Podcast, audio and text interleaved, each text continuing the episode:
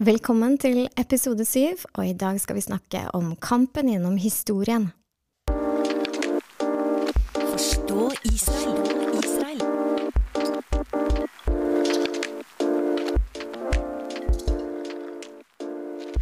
Ja, for det er jo sånn at siden tidens morgen at Gud all- utvalgte Abraham og eh, gjorde hans slekt til et folk, så har det vært stridigheter, og det har vært kamp rundt Guds folk.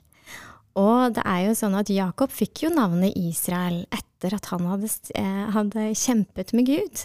Og det var det engelen som sa, fordi du har kjempet med, med Gud, så får du navnet Israel. Men så er det jo sånn at Israel har jo ikke bare kjempa med, med Gud, de har også kjempa eh, internt mot hverandre, og det vet vi, det skjer også i dag i staten Israel, at det er uenigheter og stridigheter. Eh, men så er det jo sånn at Israel gjennom historien har måttet kjempe mot sine ytre fiender. Og de har måttet kjempe seg gjennom eh, livet eller historien med overlevelse og sin eksistens.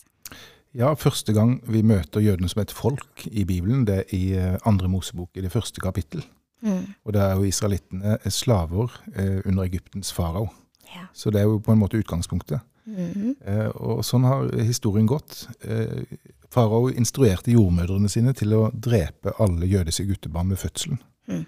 Nå gjorde ikke de det, og da besluttet han at alle jødiske guttebarn skulle kastes i Nilen. Mm. i elva. Eh, og eh, jødene trua opp, eh, Farao opplevde jødene truende fordi de vokste i antall. Mm. Og det her har en åndelig side.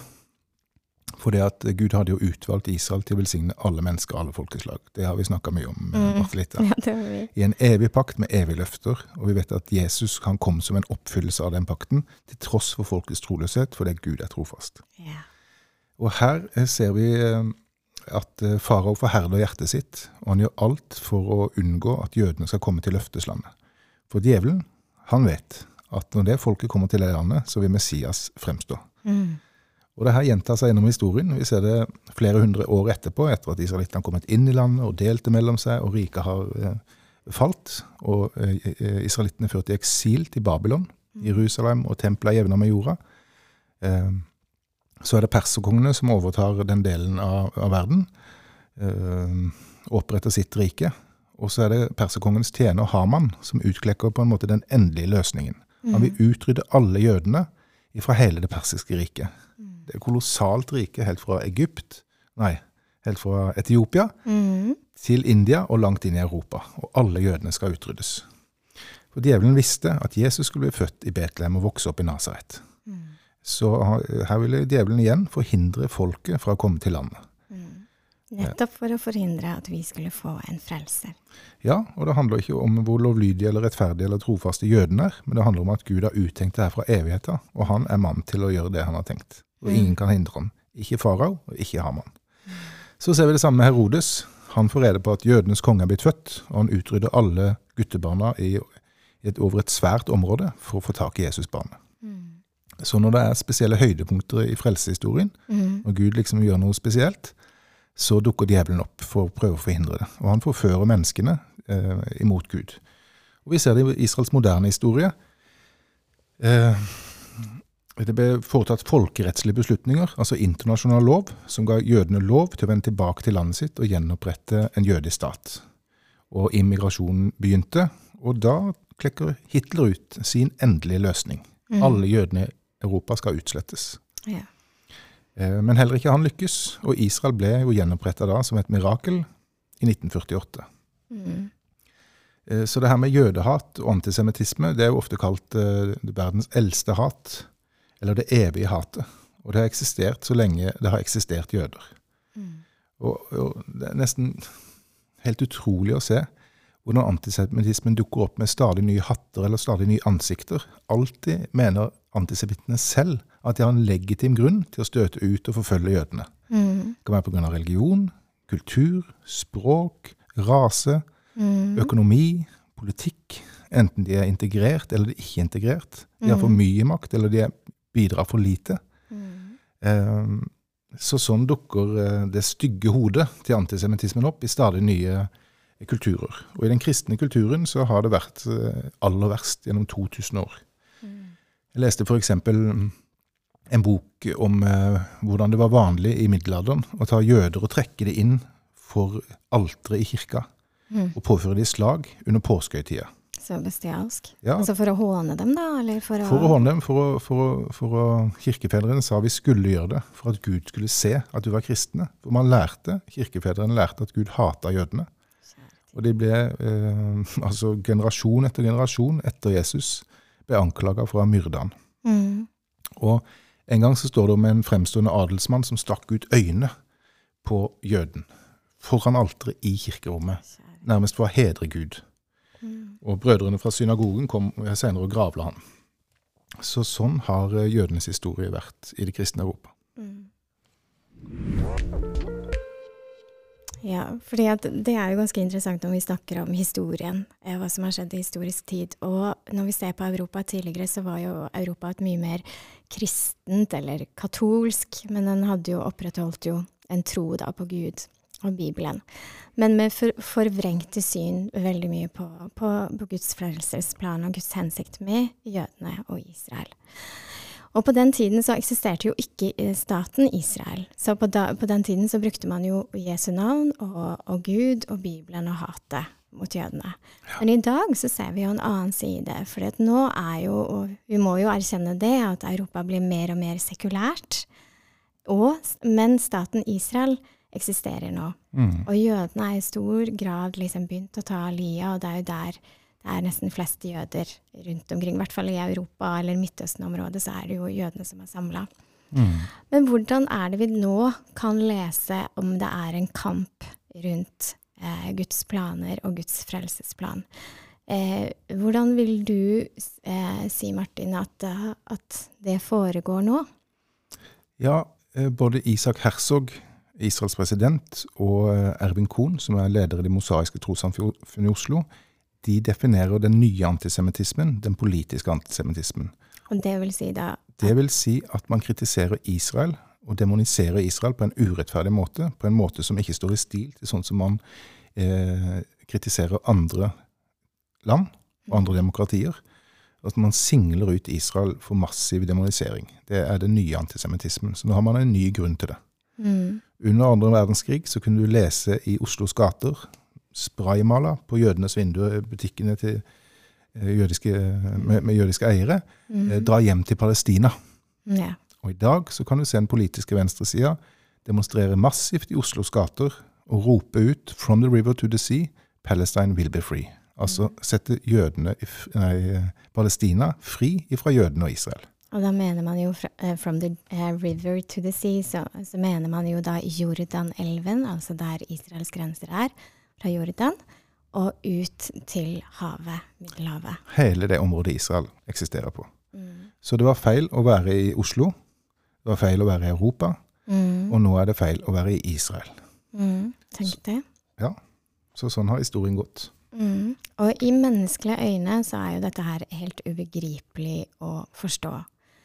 Men når vi ser det med andre øyne, at dette er jo ikke en kamp på en måte egentlig fysisk mot jødene, men det utspiller jo seg mot jødene. Det er jo fordi at man, hvis, hvis eh, jødene blir utrydda, så har jo Gud brutt sitt løfte. Både, ikke bare til jødene, men også til hele menneskeheten. Ja, og Hele Guds videre frelsesplan det var ikke bare det at Jesus skulle komme, men vi vet at Jesus skal komme tilbake. Nettopp. Og Det er uløselig knytta til Israel, folket og landet og til Jerusalem. Mm. Og det er rart, Martelita. Se det for deg. Det er 21 arabiske land i Midtøsten. Og så er det et bitte liten jødisk stat som eksisterer på 0,2, ikke 2,0, men 0,2 prosent av det arealet de her 21 arabiske statene er oppretta på. Og så bor det 6 millioner jøder i Israel. Mm. Og så bor det over 300 millioner arabere rundt dem. Og fremdeles så regner man altså både FN og LO og mange andre mektige aktører at det er jødene og Israel som er problemet. Det er en region med 57 muslimske land med 1,7 milliarder muslimer. Mm. Og så er her bitte lit- lille håret i suppa, som er Israel. Ja, det er en flis i fjæra, altså. Ja, men det som er så grusomt for Israels fiender, Mm. og sånn er det egentlig for alle som har fiender, det er når fienden lykkes. Når fienden blomstrer, så er det et vitnesbyrd om at om at en, en, en kanskje tar, at en tar feil. Mhm. Og Israel blomstrer jo mer enn alle de her muslimske landene til sammen. Mer enn alle landene i hele verden til sammen. Mhm. Det har gitt oss Jesus. De har gitt oss Bibelen. Nå har de produsert eh, vitenskapsmenn som har mottatt aller flest nobelspriser. Ja. Eh, de finner opp alt mulig rart, og er helt langt framme på alt av høyteknologi og innovative foretak. Mm. Så det er jo eh, et voldsomt anstøt for Israels fiender. Ja, og det er et demokrati midt iblant eh, mange andre eh, eh, totalitære stater. Absolutt. Mm. Så er det jo sånn da at det er jo mye misunnelse eller frykt, eller hva vil du tro liksom, er årsakene? Fordi det står jo at eh, Som du sier, at, at Israel blomstrer jo. Hva tror du det gjør? Nei, det skaper misunnelse. Mm -hmm. Det gjør det. Og det har jo vært, eh, hvis vi ser på alle de her eh, hodene som antisemittismen har dukket opp i, i stadig nye kulturer til stadig nye tider, så noen ganger har det vært behov for å ha en syndebukk. Det er et velkjent fenomen iblant oss. Det er jo på en måte det her som utspiller seg blant alle mennesker, men det blir liksom ekstra tydelige mm. når eh, alle går i sammen og blinker ut en lite folk og et lite land. Mm. Det har vært misunnelse, noen ganger har det vært frykt, og mange forskjellige årsaker som kan oppleves helt reelle for den som opplever det, men som er dømt av historien. Mm. Det ligger på eh, både kirkefedrenes erstatningsteologi, Luthers erstatningsteologi, Hitlers nazisme, kommunistenes diskriminering. Det ligger på historiens søppelhaug. Mm. Mens den etikken som fins i Bibelen, som det jødiske folk har båret med seg og gitt til verden, den overlever. Mm, for det er en kamp om Guds ord. Men så kan vi jo lese i Salme 83 vers 1. For Mm. dette er jo ikke noe nytt i historien. Dette vet vi jo. Og dette visste Gud også fra tidenes morgen. Og der står det en sang, en salme av Asaf. Og der står det Gud, hold deg ikke i ro. Vær ikke stille og taus. Gud, dine fiender buldrer. De som hater deg, løfter hodet. De legger listige planer mot ditt folk. De rådslår med hverandre mot dem du verner. De sier, kom, la oss utslette dem så folk, som folk, så Israels navn ikke lenger blir husket. Og her viser jo Asaf en tydelig forbindelse mellom hatet mot Gud og hatet mot Israel. Ja. Se hvordan de slår seg sammen og legger listige planer. Mm, Se hvor grusomt det er. Og, og, og, og det her kan være knytta til én sånn hendelse i historien, men det har gjentatt seg igjen og igjen og igjen og igjen og igjen, og enda i dag. mm, At uh, man rådslår, man legger hodene sammen og legger ut listige planer eh, mot de som Gud verner, altså mot israelittene. Og det her med å, som Asav sier da, la oss utslette dem som et folk, så Israels navn ikke lenger blir husket. mm, Det har òg skjedd i historien. For eksempel så forsøkte jødene å løsrive seg fra den romerske okkupasjonsmakten i år 70. En million jøder ble myrda, opptil flere hundre jøder ble korsfesta i Jerusalem. Altså 70 år etter Kristus. Jødene ble fordrevet fra Jerusalem. Og så igjen, i 133, og åra som fulgte, så prøvde jødene igjen å gjøre opprør. Og eh, romerne de besvarte det samme og slo det ned og fordrev jødene fra hele Israel. Det ble værende en liten minoritet, eh, men eh, i hovedsak så ble de fordrevet. Og da ga keiser Hadrian, Hadrian navnet Palestina til Israel, eller Judea, som regionen het den gang. mm, Og det var et økenavn for å nettopp å utslette minnet om Israel. mm, For å utslette forbindelsen mellom folk og landet. For han var lei av at jødene prøvde å gjenvinne sin frihet. Og Palestina-navnet det var et økenavn som henspiller på eh, filisterne, som var altså en fiende av Israel, et folkeslag som forsvant ut av historien, eh, særlig under kong Davids tid. Og, og Hadrian han ga Jerusalem navnet Aelia Capitolina, som betyr områdets hovedstad. Så her ser vi eh, et eksempel på akkurat det, at en forsøker å viske ut minnet om, eh, om Israel, og mm. tilknytninga mellom folk og landet. Og akkurat det her har skjedd i moderne tid.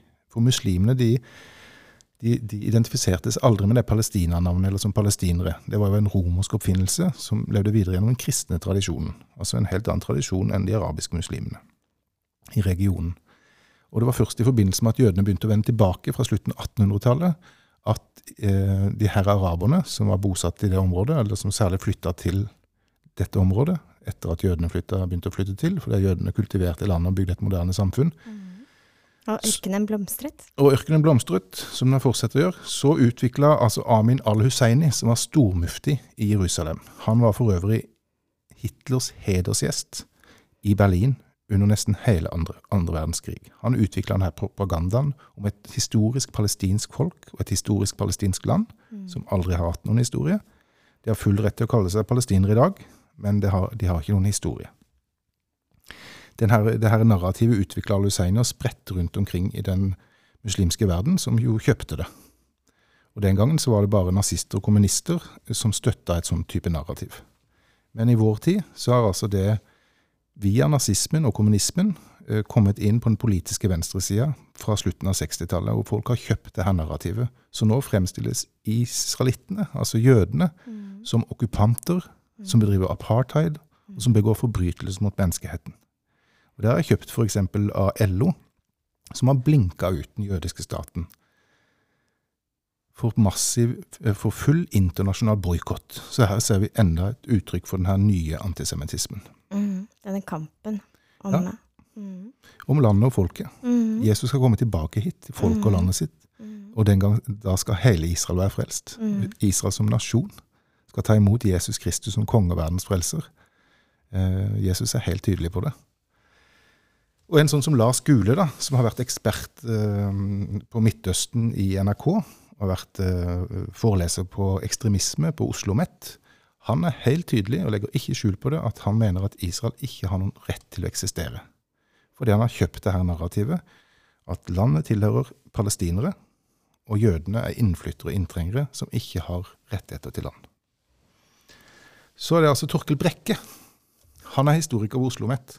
Han har akkurat i disse dager, eh, nå er vi i mars i 2023, eh, gitt ut en bok som heter 'Ingen er uskyldig'. Og Han skriver om antisemittisme på den politiske venstresida. Her går han i rette med f.eks. Lars Gule og LO, eh, for det at de representerer det som han eh, definerer som antisemittisme. Så det er godt at det finnes andre stemmer. Ja. Så denne kampen og hatet mot Israel er jo også egentlig, eller det er et hat mot Gud og Guds ord og hans frelsesplan, som vi nå er en del av. Ja, det er det som er litt spennende. Før vi går eh, av lufta, så skal vi ta med det. Mm. For vi er blitt en del av Israel. Paulus er helt tydelig på det, både i Rombrevet og Efeserbrevet. Vi er poda inn og blitt en del av de. Og Med det så har vi fått det samme kallet og den samme velsignelsen. Gud vil velsigne oss, og så vil han gjøre oss til velsignelse. Så nå har evangeliet gått videre fra hjerte til hjerte i 2000 år. Og med det så har vi fått den samme motstanderen. Og eh, kristne har lidd martyrdøden i millionvis gjennom historien, og enda i dag så er det mange millioner kristne som forfølges. Eh, så vi har den samme motstanderen. Mm. Ja. Men så er det jo sånn at Gud har lovet oss at han skal ta oss gjennom alt dette. Yes. Og ikke minst så skal han ta jødene og de som tilhører han, gjennom dødsskyggens dal. For vi har et håp som ingen kan ta ifra oss. Halleluja, må jeg nesten si. Da skal vi takke for nå. Vi er tilbake i neste episode, og da skal vi se nærmere på hvordan vi kan velsigne Israel.